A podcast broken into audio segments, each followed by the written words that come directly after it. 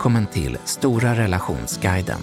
Podden där parterapeuten Anneli Östling tillsammans med sin sidekick Bella guidar dig genom allt som har med kärlek och relationer att göra. Följt av väl beprövade tips och råd.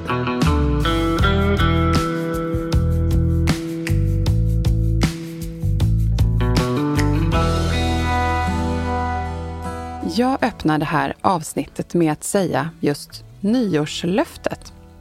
Och att kunna göra något riktigt meningsfullt av det. Nyårslöftet är ju något som de allra flesta är ju bekanta med. Alltså ett löfte man avlägger på självaste nyårsafton för att komma igång med något eller att man vill bli bättre på något kanske. Eller som ett sätt att förändra sin livsstil till något bättre helt enkelt. Som relationspodd känns det givet att lyfta det som är bäst för er i relationen. Men här tänkte vi rikta fokuset till er som har barn i era liv, för att sen det ska generera något bra och värdefullt för barnen i slutändan. Om ni har jobbat med er själva så ger ni dem de bästa förutsättningarna att bli den bästa versionen av sig själva. De ser och lär hur ni gör och agerar. Idag är vi extra glada över att ha med oss en expert i det här ämnet. Vi har nämligen en gäst i podden idag som har arbetat i många år med hur man kan skapa grundtrygghet för barn genom att lära dem förstå och använda sig av sina känslor och empati, vilket rustar ditt barn för livet. Vår gäst ska berätta om hur hon gick tillväga för många år sedan när hon skapade förändring i sitt eget förhållningssätt som förälder och partner som hon även senare har arbetat med som en arbetsmodell med andra människor. Välkommen Maria-Pia. Du har verkligen en gedigen meritlista och mycket erfarenhet inom det här området och jag är så glad att vi kom i kontakt vid ett tillfälle. Skulle du kortfattat kunna berätta om vem du är? Jag är 57 år, har varit gift i 24 år med min man Magnus. Vi har två barn, en dotter som är 35 och en son på 22. Sonen flyttade hemifrån i höstas här. Så det har förändrat mm. våra liv ganska mycket. Såklart. Ja, det var en stor omställning, en, en sorg. Mm. Mm. eh, och innebär ju nya möjligheter också. Jag är mental tränare, arbetar som coach, men mest som föreläsare och författare. Håller utbildningar med fokus på känslor, för det är min stora passion och mitt stora intresse i livet. Och för drygt 20 år sedan, eller cirka 20 år sedan, så fick jag en idé om dockor med olika känslouttryck. Jag satt och åkte till jobbet en vanlig tråkig dag, på den tiden var jag anställd. Och så bara rasslade det ner en idé om att jag såg dockor med olika känslouttryck och insåg att det här är ju en himla bra idé. Verkligen. Ja, ja. Så det, ja, idag, känslodockan Friendly heter det här konceptet som det har vuxit och blivit nu. Det är glad, arg, rädd, sur, ledsen och lugn då, som finns som, som dock böcker, som barnbok, som poster, som musik, som illustrationer. Det finns barnteaterföreställningar och ja, sådär. Oh, så, wow. mm. så det, det jobbar jag jättemycket med sen dess i princip. Mm. Mm. Och det är så fantastiskt tycker jag det här med känslorna. Att alla de där känslorna finns ju och de, därför måste man också, de får vara synliga. Ja men precis, att vi sätter dem på bordet nästan bokstavligen mm. och pratar om det. Och syftet med allt jag gör handlar ju om att stötta vuxna, att stötta barn, att bli bättre på att sätta ord på, uttrycka, förstå, identifiera och känna igen sina känslor. Mm. Och få ett språk för det. Och att vi i vuxenvärlden hjälper våra barn att ja, men, förstå att det här med känslor är viktigt och veta vilka känslor ska jag följa och vilka bör jag släppa taget om. Mm. Och det som kan bli lite utmanande i det här också, tänker jag, det är ju, jag möter ju många vuxna som tycker att det här är svårt. Mm. Alltså i vuxna relationer. Och, eh, och sen så ska man också vara en förebild och en referens för sina barn i det här. Men då känns det ju jättehärligt att ha dig här idag. Och idag ska ju du faktiskt hjälpa oss att tipsa våra lyssnare om ett nyårslöfte eller kanske ett motto som verkligen då kan göra skillnad för det viktigaste vi har. Våra barn, men också oss själva i det här. Och du har ju lovat att guida oss här och eh, lyssnarna i hur vi kan lyckas med det här nyårslöftet som innebär att möta sina barn på ett bra sätt och att odla liksom, medkänsla i familjen. Kan du berätta lite mer vad det här skulle kunna innebära? Alla föräldrar, ibland och ibland lite oftare och ibland lite mindre kanske, tänker att de vill bli bättre i sitt föräldraskap. Att det är väldigt lätt att man får dåligt samvete, att man klankar ner på sig själv och att det där kan bli någonting som rullar runt, alltså en jobbig tanke som ligger som en loop där. Och så börjar man känna ännu mer dåligt samvete och så.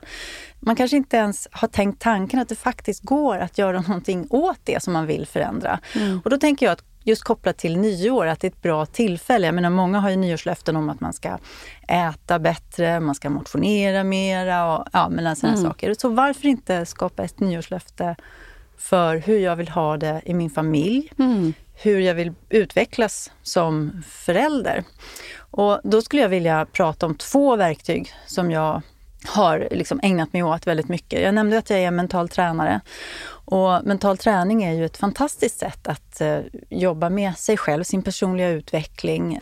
I mitt fall så började det med att jag fick ner stressnivån. Mm, mm. Ja, och så viktigt. Eh, och när jag fick ner stressnivån, då öppnades som en helt ny värld. Jag fick ju tillgång till hela mitt känsloregister. För stress har ju en tendens att kapa känslorna. Man, allt sitter i huvudet och väldigt lite ner i kroppen. Så, så det är ett bra verktyg för att liksom lära känna och förstå sig själv lite bättre. För det tänker jag också är sådär, just utifrån att skapa um, bättre förutsättningar för sig själv och sin familj. Att jag faktiskt också lär känna mig själv. Och har jag en partner så kan vi göra den där resan tillsammans.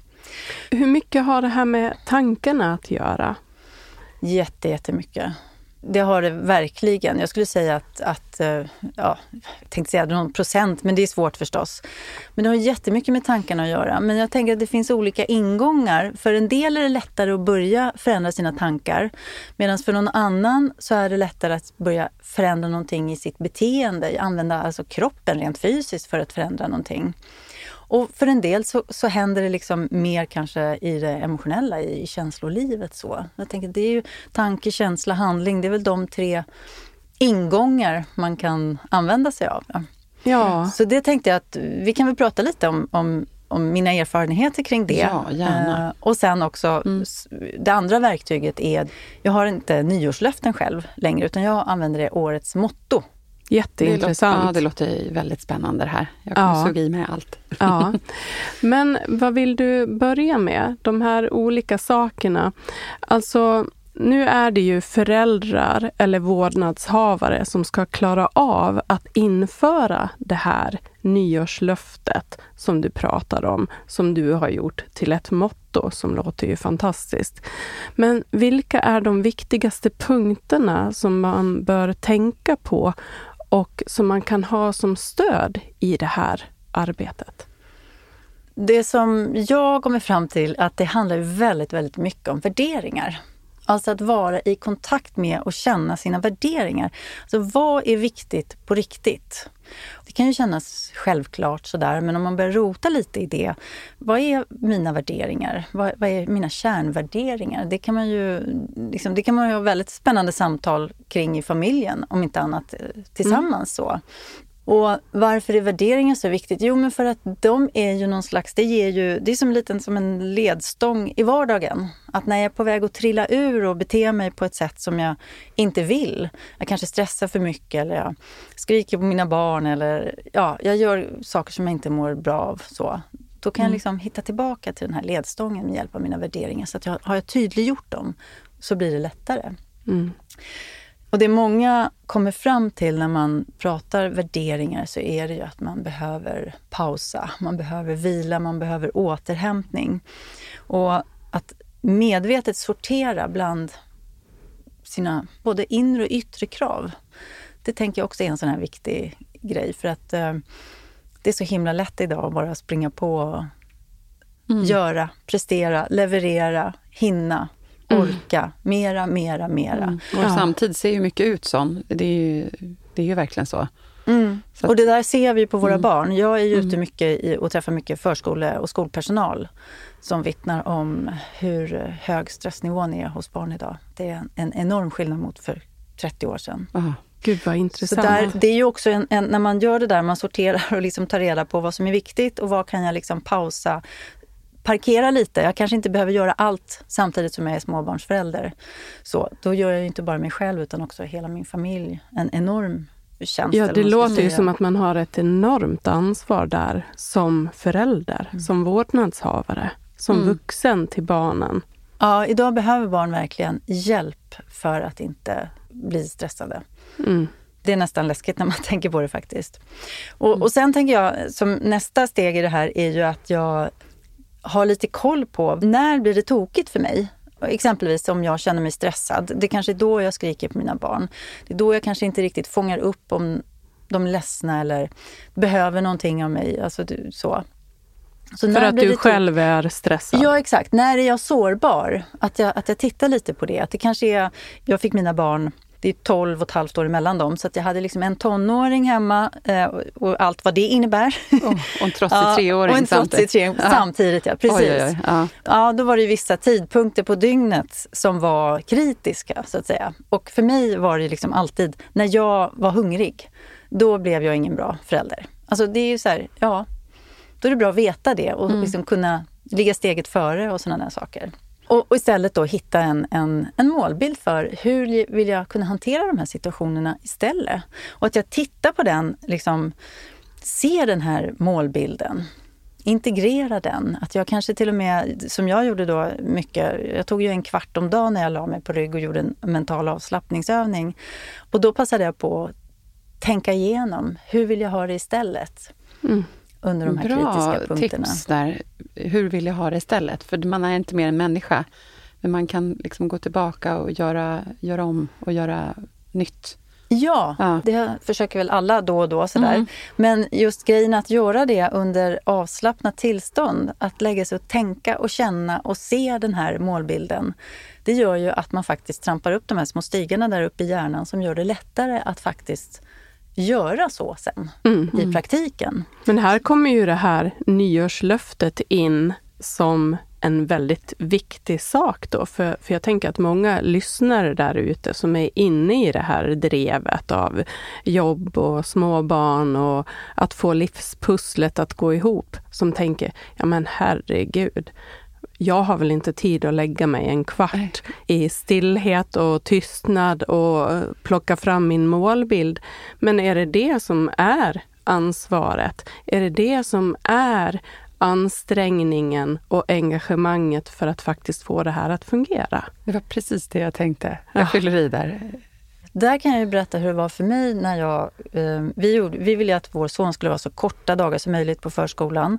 Så att min man lämnade honom så sent det bara gick och jag gick upp jättetidigt på morgonen, började jobba tidigt och jobbade deltid i och för sig, men och kom, kunde kunna hämta honom ganska tidigt. Men det jag gjorde var att när jag kom från jobbet så liksom sprang jag förbi förskolan och så hem, snabbt låste upp dörren, slängde mig på sängen och låg där en kvart. Satte liksom en timer så, så att det verkligen var en kvart. Ibland var man så trött så att man somnade. Liksom. Men det som hände då efter den där avslappningsstunden, det var att när jag sen gick till förskolan och hämtade min son, då kommer jag dit och är lugn, utvilad. Man får rätt mycket återhämtning på en kvart. Man blir, och särskilt om man gör det ofta, man liksom blir effektiv i sin återhämtning. Så när jag hämtade honom, då var jag liksom glad. Det var som att få en ny dag, en andra dag. Så. Mm, vad härligt. Och då kunde jag vara helt närvarande med honom. Så att jag har inte upplevt någon stressig små, småbarnsperiod på grund Nej. av detta. Den här, Vilket otroligt Farten. tips. Ja. Ja.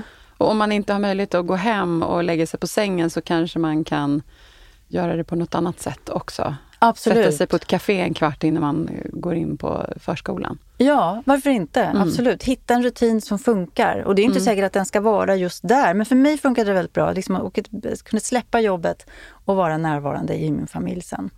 Ofta är det ju ganska enkla saker vi behöver göra. tror Det som är svårt det är att vi ja. ska göra dem också. Det är det som Och jag tror jättemånga känner igen sig precis det här du sa nu. Att man kommer med andan i halsen till förskolan Mm. för man ska handla mat på vägen hem och hinna allt det där man ska göra de här tre punkterna då, att någonstans prata om värderingar, ta reda på vilka värderingar man själv har eller kanske vill ha. Vad är viktigt på riktigt? Och sen att också kunna pausa, att vara mera närvarande med sin familj och med sig själv. Och sen att måla upp för sitt inre. När misslyckas jag och hur vill jag att det ska vara? Och också kunna då göra det på sitt sätt. Du la dig på sängen och bara varvade ner och du fick som en ny start på dagen i det. Och kunde möta ditt barn på ett helt annat sätt än att komma direkt ifrån stress ifrån jobbet. Det jag också lärde mig där och då, det här var parallellt efter föräldraledigheten så jag hade pluggat i tio år. Jag la alla de här akademiska studierna på hyllan och så började jag plugga till mental tränare parallellt med att jag jobbade halvtid eller deltid. Så jag hade, det är klart att jag var ju väldigt inne i det där med mental träning. Men det jag också gjorde var att jag också hade en målbild just för hur våra måltider hemma skulle se ut. För det var ganska stökigt. Vår son han var väldigt vild. Han var så här, vi fick till och med spänna fast honom i sele för att annars måste vi sitta och hålla i honom hela tiden. Och sen hade vi då en, en ibland ganska grinig och tjurig tonåring på andra sidan bordet. Mm. Eh, två föräldrar som liksom ska försöka så här, ja men du vet, man ska samlas, man vill ha en trevlig måltid. Och jag tyckte inte att våra måltider var särskilt trevliga. Mm. Så då skapade jag en målbild för hur vill jag att våra måltider ska se ut. Mm. Och den lag, passade jag också på att förankra då under eh, avslappning. För det som händer när man gör en målbild och tänker på Ja, men det, man behöver inte kalla det målbild, det kan vara drömmar, visioner, önskningar, otillfredsställda behov, alltså sånt som man... Men att man målar upp det för sitt inre och att man sen gör det under avslappning. Det är ju att det blir mycket lättare att, att ta till sig det här mm. än om man är liksom mer på, påslagen, så att säga. Och då, just det här som du förklarar nu om er matstund, eller middagsstund. Hur sen gjorde du det i praktiken? Behöver man inte prata då med familjen? Eller satt det in hos dig bara? Ja, men det satt hos mig faktiskt. För ja. att jag kunde egentligen inte påverka dem. Eh, Nej. Men däremot så kunde jag ju påverka mig själv, min önskan. Och det, sen när man har gjort det här, det är det som är så fantastiskt med mental träning, att det sker saker och ting. Man kan alltså påverka och förändra även i det yttre. Mm. Men det gjorde ju också att jag hade lättare att se de här stunderna när vi faktiskt, för det var ju inte så att det alltid var kaos vid matbordet. Nej. Men det är ju lätt att man ser det negativa och det negativa är det våra hjärnor förstorar upp.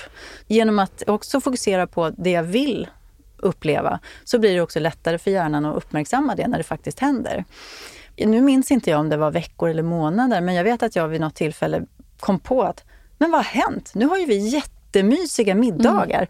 Nu sitter vi ner och pratar, vi skojar och det var en helt annan stämning. Mm. Det kanske hade hänt ändå, vad vet jag, men, men nej, jag, jag är helt övertygad om att det där gjorde sån skillnad och att jag förändrade mitt beteende. Kanske att jag blev lugnare och inte hade sån negativ syn på måltiderna. Och så. Mm. Men jag blir ju också, du är ju kvinna och du jobbade deltid och du eh, jobbar med mental träning och skapade dina målbilder. Hur eh, blev ni ett team i det här? Alltså, jag, jag tänker att man hanterar det olika som personer, men din partner, hur förhöll sig din partner i det här? Stöttade han dig eller pratade ni mycket om så att ni hade en gemensam bild? Ja men verkligen. Vi pratar, vi alltid pratar väldigt, väldigt mycket.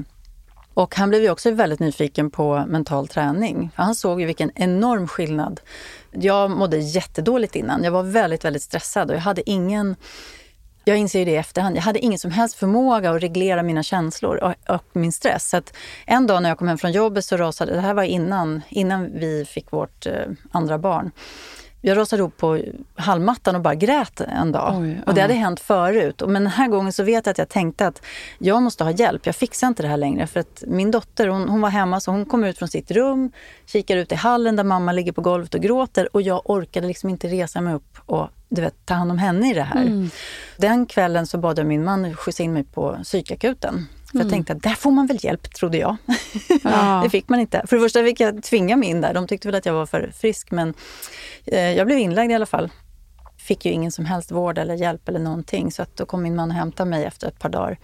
Då hade jag ett positivt graviditetstest med mig hem. eh, och det, det, vi ville ha barn, eh, ja. så, men det var kanske inte jättebra timing för mig. Men jag hade också, fick också diagnosen utmattningsdepression. Mm. Den graviditeten mådde jag hemskt dåligt. Jag var djupt deprimerad. Jag mådde dessutom illa i nio månader. Oj, vad tufft. Ja, så det, var, mm. det var tufft. Men det var ju under graviditeten som jag hittade mental träning. En granne som hade en kurs i det.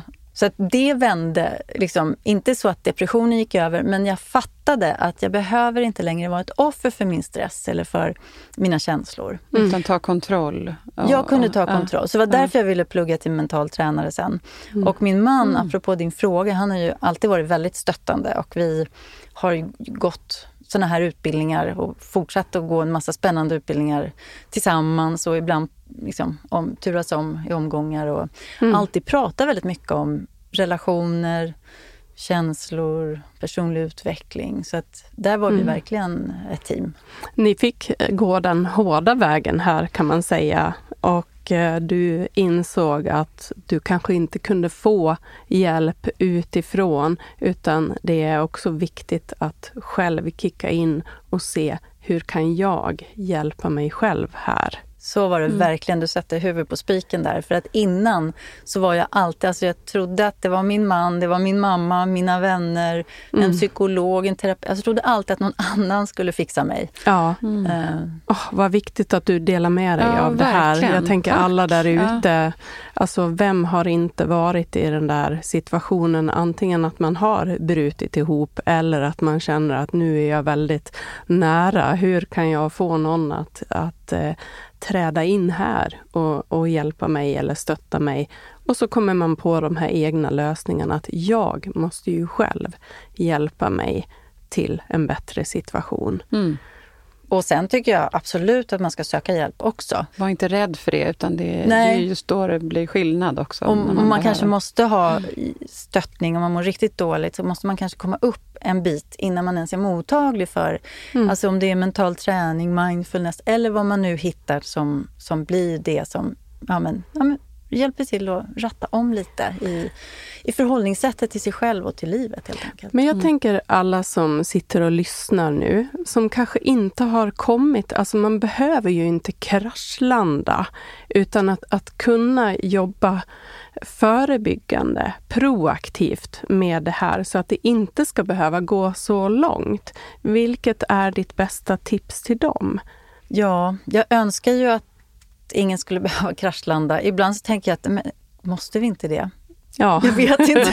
för att förstå alltså, hur viktigt det här är. Ja, men ja. på något vis är det ju så. Alltså för mig har kriserna i livet, när man har kommit en bit vidare över dem, förbi dem, så har jag alltid med tacksamhet tittat tillbaka på mina kriser. Jag har ju haft flera. Och det är i kris som vi utvecklas, mm. kan utvecklas. Men det är klart att sen tycker jag ju absolut, det finns ju jättemycket vi kan göra för att förebygga. Mm. Och där är det ju, alltså alla jag möter och pratar med så är det ju stressen, stressen, stressen, stressen. Och sen mm. eh, att, att eh, verkligen hitta sitt sätt att göra vad man kan. Jag har lyckats gå in i väggen flera gånger, trots att jag är mental tränare, trots att mm. jag jobbar med de här sakerna mm. och kan en hel del om stress. Men det som är med just stressen är ju att vi blir ju tondöva för kroppens signaler. Ja. Så man fattar ju inte ens att det är stress när ja, man får ont i huvudet, man får värk, man kanske tappar livsgnistan och allt vad det nu är. Man förstår mm. kanske inte ens att det, att det är stressen det beror på. Nej. Mm. Så illa är det ju. Och därför är det så viktigt att prata om det.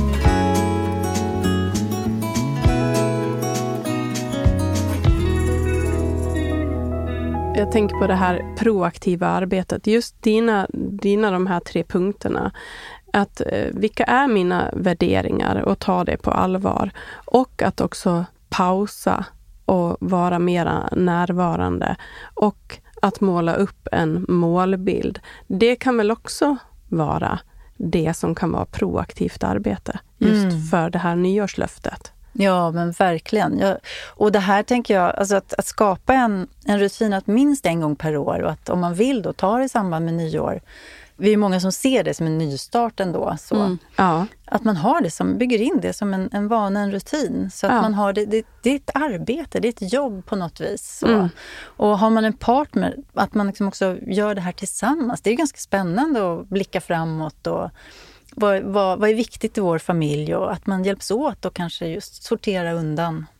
Och se till att vi inte har för mycket aktiviteter eller ja, Ja. vad det nu är. Ja. Mm. Och att barnen de ser hur vi gör och de speglar ju det Ja. ofta. Och att vi behöver lära dem varför det är så viktigt att ta det lugnt och inte ha för mycket Mm. stress i vår, vårt liv. Så.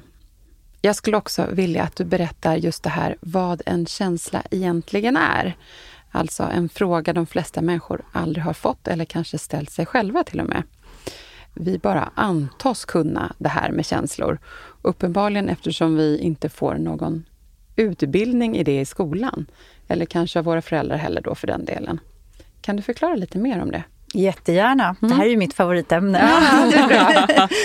Den här frågan, liksom, vad är egentligen en känsla? Den uppstod i mig när jag skulle börja föreläsa. Och då tänkte jag, och det är ju 20 år sedan, tänkte jag, men gud, tänk om någon i publiken frågar mig, vad är en känsla? Nu när jag står och föreläser om känslor. Jag måste ju veta det.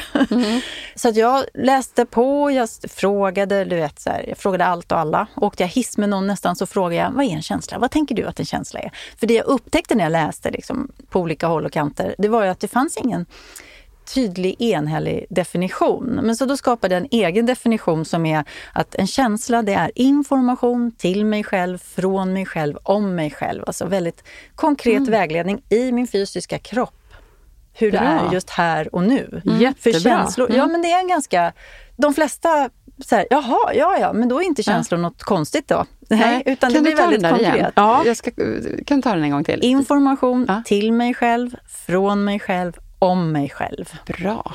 Och till andra. Mm, och till andra. Det är också, jag skickar ju också ut. Mm. Men känslor är någonting väldigt fysiskt som vi förnimmer. Eh, oftast är de ganska momentana, eh, snabbt övergående. När en känsla övergår i något annat så kan man kalla det att man går in i ett tillstånd istället. Om man har varit jätte, jättearg sådär så det slår blixtrar eller sorgen som skär genom hjärtat eller sådär bubblande glas och det liksom, man skrattar och ja, men vad har vi mer? Rädsla exempelvis är ju en sån här väldigt fysisk känsla där kanske det känns som att blodet sticker ner i benen eller, eller man blir skakig eller det tar ju väldigt mycket energi att, att vara i känslor så. Så att därför Verkligen. tror jag att vi Mm. skonas genom att de, de där kraftfulla känslorna har vi ganska korta stunder. Och sen klingar det av eller övergår i en annan känsla eller så. Och det viktiga i att de måste få finnas. Ja. Och att vi lär oss också, alltså det är aldrig fel på en känsla. Och det här är jätteviktigt att prata med sina barn om att allt du känner är alltid rätt. Det, det är aldrig fel på det du känner. Däremot så blir det inte alltid så bra om vi agerar på alla känslor. Så att konsten är att lära sig veta vilka känslor ska jag styra på, följa och vilka ska jag liksom försöka släppa taget om. Och sen finns det ju då en massa tekniker för att hur vi kan släppa taget om jobbiga känslor och så. Det är väl där som du säger, vi får ingen utbildning i det här. Och det är Nej. väl det som jag brinner för. Det är det jag skriver böcker och föreläser om. Och just för att det finns, man kan lära sig. Det finns saker att lära sig. Mycket värdefullt för alla som har barn runt omkring sig att, Ja, att ha kunskap om allt det här. Och jag Ja. tänker som vuxen också att lära sig att förstå sina egna känslor för att kunna hantera dem. För att också sen kunna vara lyhörd för barns känslor och förhålla sig till dem utifrån barnets känsla så att man inte blandar in sina egna. just det. Vad är mina känslor och vad är dina känslor? Ja, Och det där är inte alltid... Man blir ju väldigt engagerad känslomässigt i sina barn. ja. Och eh, just det här att om ens barn är ledsna eller om de är väldigt arga så, så vi smittar ju varandra Mm. otroligt mycket. Man kan bli rädd som förälder om Ja. barnen är rädda till exempel. Ja. Eller, Man kanske inte alltid vet det. Man tror inte att de ser, men bara en, liksom en ö, ögonförändring kan göra så mycket. Verkligen, verkligen. Och att vara medveten om det. Mm. Och att kunna ha ett språk för det, kunna prata om det i familjen. Och att vi ibland kanske skrämmer våra barn Mm. eh, med våra egna känslor. Jag tycker att man ska visa känslor Ja. i familjen, absolut, och för barn. Men man måste veta när jag faktiskt måste härbärgera min egen känsla och vara med mitt barn i hans eller hennes känsla istället. Mm. Mm. Det är inte lätt, för att vi är så nära våra barn känslomässigt. Är det inte det här som nästan är det svåraste med känslor med barn? Att man blir så engagerad som förälder och har man inte den medvetenheten och kan hantera sina egna känslor så kan det vara svårt att sortera. Vad är det som är barnets behov och vad är det som är mina känslor? Mm. Och hur ska jag förhålla mig här? Ja, men alltså det, det tror jag är det, är det svåraste. Den största utmaningen i föräldraskapet. Ja har varit för mig. Jag menar, trots att jag ändå liksom brinner för det här och är jätteintresserad av det här. Så, och sen är ju, det är så olika också mellan olika barn. Jag menar, min dotter och jag, vi, jag brukar skoja och säga att vi är som klonade av varandra känslomässigt. Vi har alltid varit väldigt lika varandra. Hett temperament, mycket känslor, det går snabbt blixtrar till snabbt men det går lika snabbt över och så. Medan då männen i familjen, sonen och maken, de har ett mycket mer så här jämnt känsloliv. Syns inte och hörs inte så mycket. Eh, så. Mm. Det är väl det också att lära sig då att, ja, men att vi är lite olika. Alla har mm. lika mycket känslor men vi uttrycker dem på lite olika sätt. Om jag har lite koll på mina egna känslor blir det faktiskt lättare att släppa taget om mig själv och vara mer, för då kan jag också jag menar, det här med empati och medkänsla är ju så det är så mycket lättare att vara medkännande med någon annan om jag faktiskt kan släppa taget om mig själv lite. Mm. För om jag inte har självkännedom så blir jag ju väldigt självupptagen därför att då mm. kommer min, mina känslor och allt som är mitt, det kommer liksom ta över. Mm. Så. Men hur står det till där ute då? Vad tänker du om kunskapen som barn får om det här på förskolan och i skolan? Finns det överhuvudtaget eller är det någonting som skulle behöva läggas in i skolplanen eller jag förstår att du jobbar ju lite med det här med dina föreläsningar och eh, är det föräldrars ansvar enbart eller är det också någonting som förskolan jobbar med? Eller skolan? Det gör de, men det jag upplever är ju att det blir ganska godtyckligt. Därför att det handlar ju om vad har du för lärare? Vem är din pedagog? Hur, eh, hur mycket kunskap och intresse har de? Mm. Eh, så att det blir väldigt godtyckligt i och med att det då inte är uttryckligen inskrivet i läroplanen. Så. Mm. Man ska ju jobba med, med medkänsla, inlevelseförmåga och sådana saker. Men det står inte så mycket om just känslokunskap, det här med självkännedomen. Jag brukar ställa upp det här som när jag förklarar då, när jag föreläser och så, som en pyramid där i basen på pyramiden så har jag självkännedom, självkänsla och självmedkänsla. Så att om vi ger barn verktyg och redskap för att utveckla de tre sakerna, då kommer man, nästa steg i pyramiden är empati och medkänsla. Då blir det lättare att också utveckla empati och medkänsla. Mm. Och nästa steg i pyramiden är att om jag har liksom det här med självkännedom, empati och medkänsla, då blir det lättare att ta ansvar för min kommunikation. Mm. För då kan jag förstå mer om vad jag säger och gör, och inte säger och gör, hur det påverkar andra. Mm. Och nästa kliv upp i pyramiden är att skapa och bevara goda relationer som är det, det, är det viktigaste för att vi ska må bra. Ja. Och det blir lättare om jag också kan ta ansvar för min kommunikation. Och det här är ju en livslång process. Liksom. Men högst upp i pyramiden så är det ju problem och konflikthantering. Och mm. då behöver vi inte lägga så mycket krut på det. Det är inte så att, att problem och konflikter försvinner bara för att man jobbar på det här viset i förskolan eller i hemmet. Men det vi ser är att barnen får ju verktyg och att de vuxna inte behöver lägga så mycket tid och energi på problem och konflikthantering. Nej. Så de kan hantera det själva. Ja. Och vilken styrka det är som barn att kunna göra det och hur, hur fint det kan bli. Ja. Alltså förskola och skola är jätteviktiga, eh, har, tycker jag. Det borde vara inskrivet och uttalat och att det ska finnas liksom i läroplan och så. Men som förälder så har vi det största ansvaret. Mm. Och tyvärr är det väl många som skriver under på att många brukar säga det när jag har den här pyramidbilden att ja men det är som att vända upp och ner på den här pyramiden för vi håller på med problem och konflikthantering hela tiden. Det är det som all kraftenergi går till. Mm. Och det tror jag många kan känna igen sig hemma i familjelivet också. Att ibland är det bara en massa tjafs liksom, och det är, det är som att trampa i något segt klister. Liksom, så. Men att man skulle komma till en grund bas, eller vad man säger, för att veta hur man ska hantera det där sen. Ja, Vad- och det är väl kom- det som vi, ja. vi pratade om inledningsvis här med Mm. att man faktiskt börjar med värderingen, att man tittar på vad man kan sortera undan så att man får ner stressnivån och blir, hittar lite lugn. Mm. Och det är ju det som krävs om man liksom...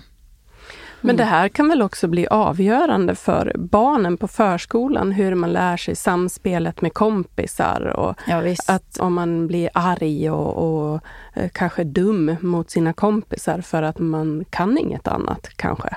Nej men exakt, du har inte fått några andra Mm. verktyg. Nej, men jag tycker också, jag saknar i, i barnkonventionen, liksom, om vi ska blåsa upp det så. Där borde det finnas en artikel som jag kallar det för att alla barns rätt till kunskap och redskap om känslor, stress och relationer. En sån artikel skulle ju finnas. Liksom. Ja, verkligen. Alltså vad vårt samhälle skulle kunna vara mycket mer humant och bättre om barn har med sig den här grunden från början och, och kan identifiera sina känslor Mm. och sätta ord på dem och kunna ta hjälp utifrån det och inte må dåligt. Alltså den här pyramiden borde alla ha hemma på kylskåpet. Ja, ja och det, det är viktigt att du säger det också, för det är ju här, vi tappar ju bort det här i vardagen. Det är därför jag håller på liksom just med känslor på ett väldigt konkret sätt och synliggör och tydliggör dem med hjälp av de här känslodockorna och andra sådana här konkreta verktyg. Verkligen Mm. som du säger, upp på kylskåpet. Du är ju ute och föreläser och utbildar. För vilka gör du det? Ja, det har mest varit förskolepersonal, eh, men också en del skolor. Men jag har varit ute i näringslivet och, och på senare år blir det mer och mer föräldrar för föräldrar faktiskt. Mm. Vilket är jätte, jätteroligt. Föräldragrupper eller? Ja, eller det har mest varit föreläsningar. Det kan vara antingen förskolor, skolor eller kyrkor och andra sammanhang som anlitar mig som, Mm. som föräldraföreläsare. Då. Men inte bara i Sverige heller. Nej, nej, nej. Oh, nej. Jag har varit jättemycket i Norge, jag har varit i Finland flera gånger. Jag ska till Åland i början på året här.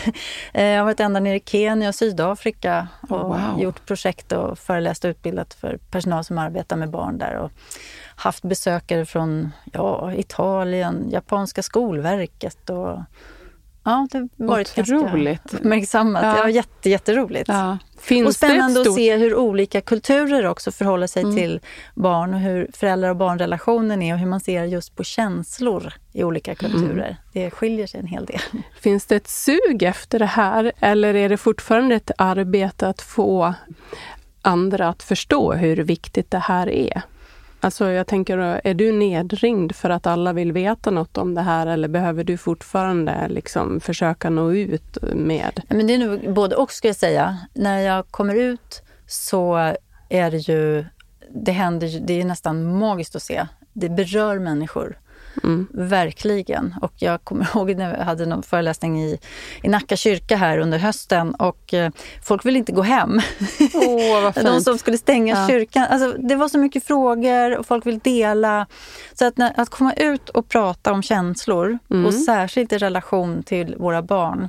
Vi har ju också fått veta att du även har en arbetsmodell för att bekräfta känslor utan att värdera dem som bra eller dåliga, som vi gärna då skulle vilja, vilja veta mer om. Kan du berätta lite mer om det? Och den kallas att främja goda relationer, stämmer det? Ja, jag brukar kalla det för ett främjande förhållningssätt. Mm. Det kommer ju från eh, buddhismen, det här icke-värderande förhållningssättet.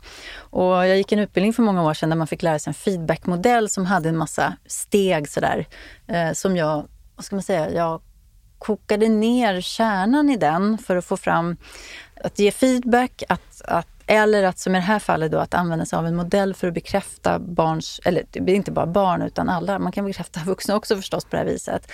Det handlar om att man berättar vad man har sett och vad man har hört utan att lägga någon värdering i det. Och då ska det vara sånt som, om vi är flera i rummet så ska alla kunna liksom hålla med om att ja men det var det här vi såg och hörde. Då är det värderingsfritt eller vad man ska säga.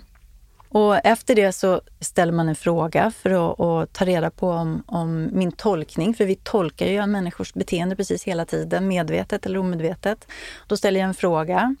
Jag kan ta som ett exempel. Jag, jag såg att du reste dig upp och jag, jag hörde att du höjde rösten. Stämmer det att du blev arg nu? Är det så? Just det.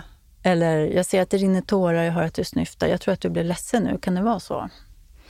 Och sen som fjärde steg där, eller man ska säga i modellen, så visar jag att jag står pall, jag finns här, jag är kvar. Så jag frågar hur, vad behöver du? Eh, finns det någonting jag kan göra för dig? Eller att jag ger ett konkret exempel, vilket oftast är bättre för barn. Att vill du vara i fred en stund eller vill du sitta i mitt knä? Vill du prata eller ska vi vara tysta en stund?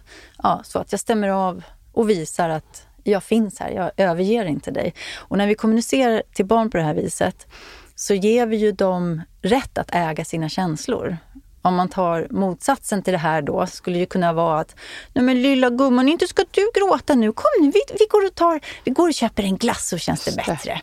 Eller varför blev du så arg nu? Va, va, va, va? Ja, det, det här, och det liksom. låter ju som att det är jättevanligt. Det här exemplifierar det nu det sista. Det är jättevanligt ja. och det sitter ju kanske lite i ryggmärgen mm. för att de flesta av oss kanske själva har blivit bemötta på det viset mm. när vi var barn.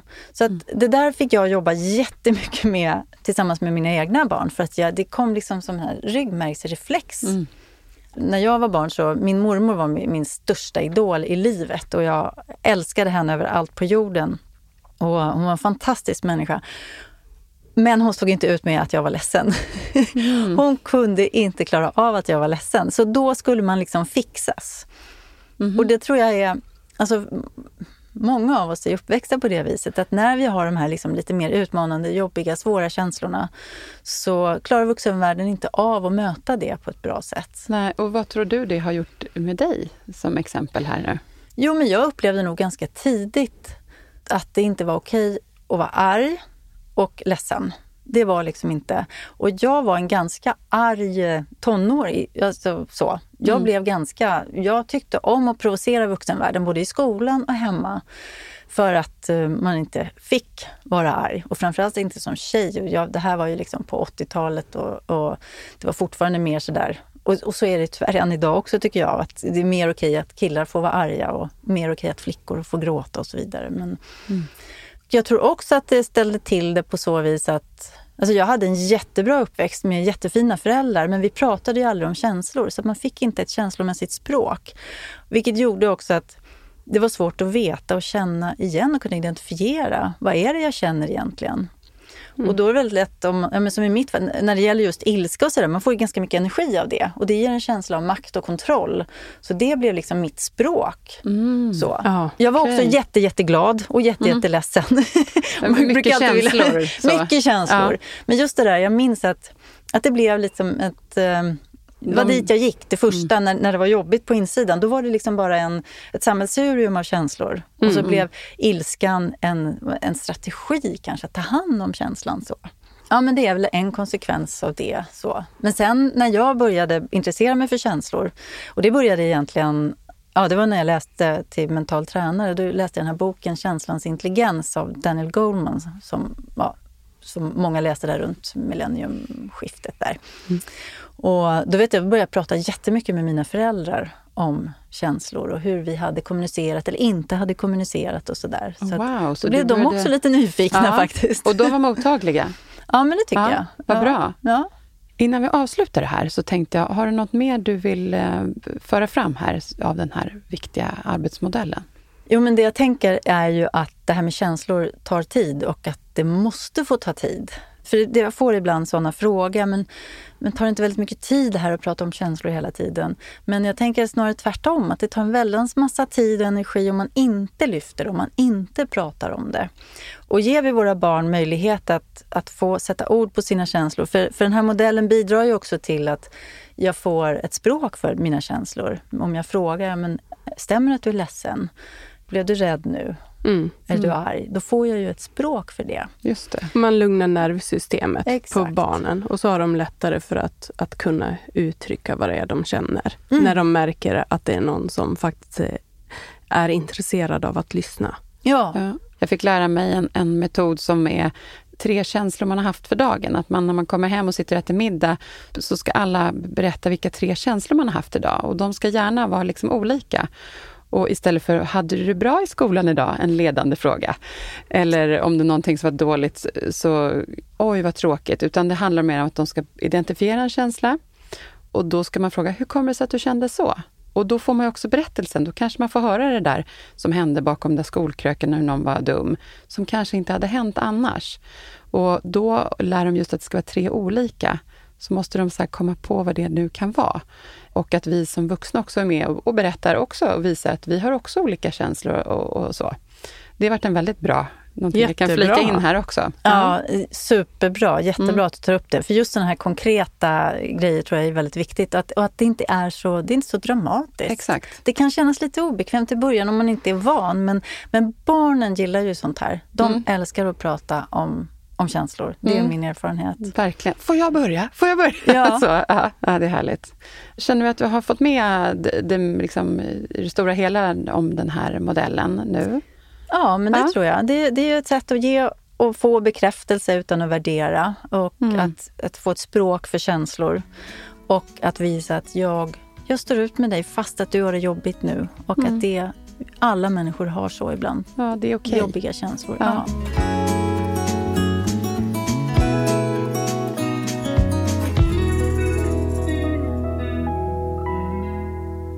Nu behöver vi börja liksom gå mot avrundning. Egentligen skulle jag vilja sitta och prata om det här jättelänge, för man kan ju verkligen prata om det här hur länge som helst.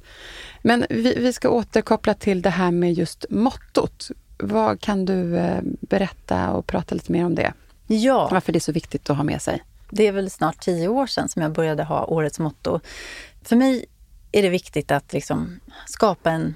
Jag ser det som en intention för nästa år, nästkommande år. Också som en, sån här ledstång i vardagen där jag går igenom vad, vad jag har för önskningar, behov, vad jag kanske har saknat eh, i mitt liv, hos mig själv eller i livet i stort. Någonting som jag vill fylla på och ha mer av under, under det kommande året. Så jag tar ganska mycket tid till att tänka och känna igenom de här frågeställningarna.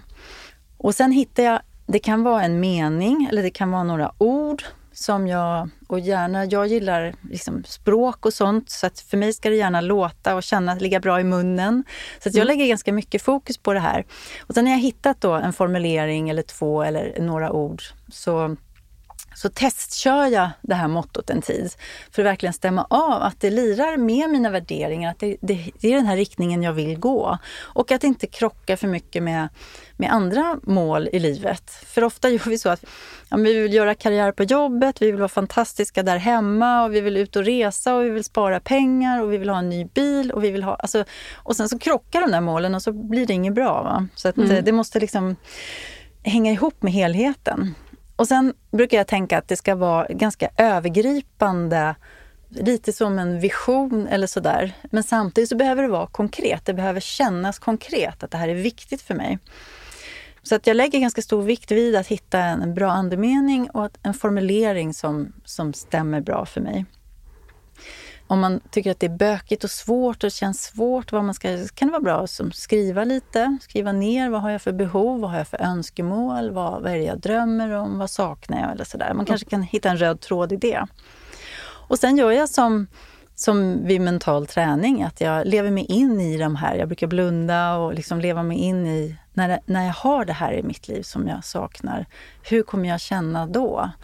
Hur kommer det se ut? Och vad, liksom, gärna med alla sinnen. Kommer det vara några mm, dofter? Kommer det smaka? Mm. Alltså, så många sinnen som möjligt som man kan väva in i det här.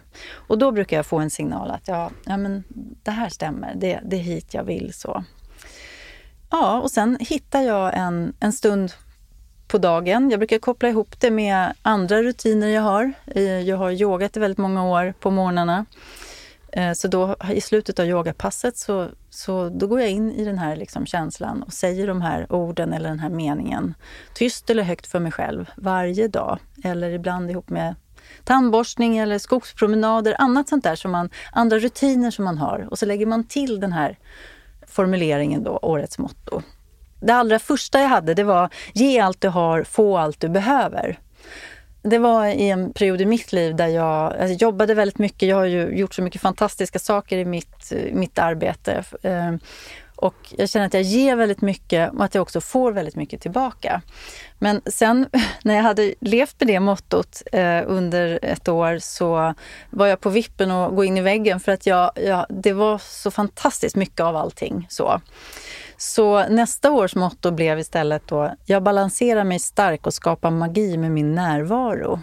Mm. Oj, För då kände jag att jag behövde liksom balans i livet. Mm. Och då kopplade jag faktiskt på det och jobbade mycket med balansövningar också. För att rent fysiskt, alltså jag tycker om att göra saker där man kombinerar både tanke, känsla och det fysiska med kroppen. så. Wow, vilken bra grej. Och några andra jag har haft är kärlek, kommunikation och kreativitet. Stillhet, styrka och passion var årets motto. Det där behöver ju inte betyda någonting för något annat, men jag har laddat de här orden. Alltså jag har verkligen lagt tid och engagemang i de här. Så för mig betyder de här stillhet, styrka och passion, det betyder så otroligt mycket. Mm. Och så dundrar jag på med det där och säger det till mig själv, ofta flera gånger om dagen. Och så är jag oftast ännu bäst, bättre på det i början av året och sen kanske man tappar det lite så. Men... Får du feedback av din omgivning om det här? Så här, när du har ett motto och så kanske man märker verkligen att du har det här mottot. Ja, jo men det, det kan hända. Sen går jag ju också ut offentligt med mina motton. Mm. När det har satt sig. Ibland tar det kanske flera veckor in på det nya året innan, innan liksom jag är helt klar med att det är det här, hela den här processen ska göras. Så den första jag brukar berätta det för är min man. Om han inte har frågat mig, då brukar jag, vill du veta årets motto? Brukar jag säga. ja, ja, säger han. Mm -hmm. och sen så berättar jag för familj och vänner och sen så brukar jag också lägga ut det på Instagram och, och på Facebook och sådär. Så att jag brukar gå ut med det för att eh, manifestera det ännu tydligare. Mm. Men för de föräldrar som sitter där ute då, som tänker det här nyårslöftet, hur skulle ett motto för att bli en mera lyhörd, känslosmart förälder kunna låta då?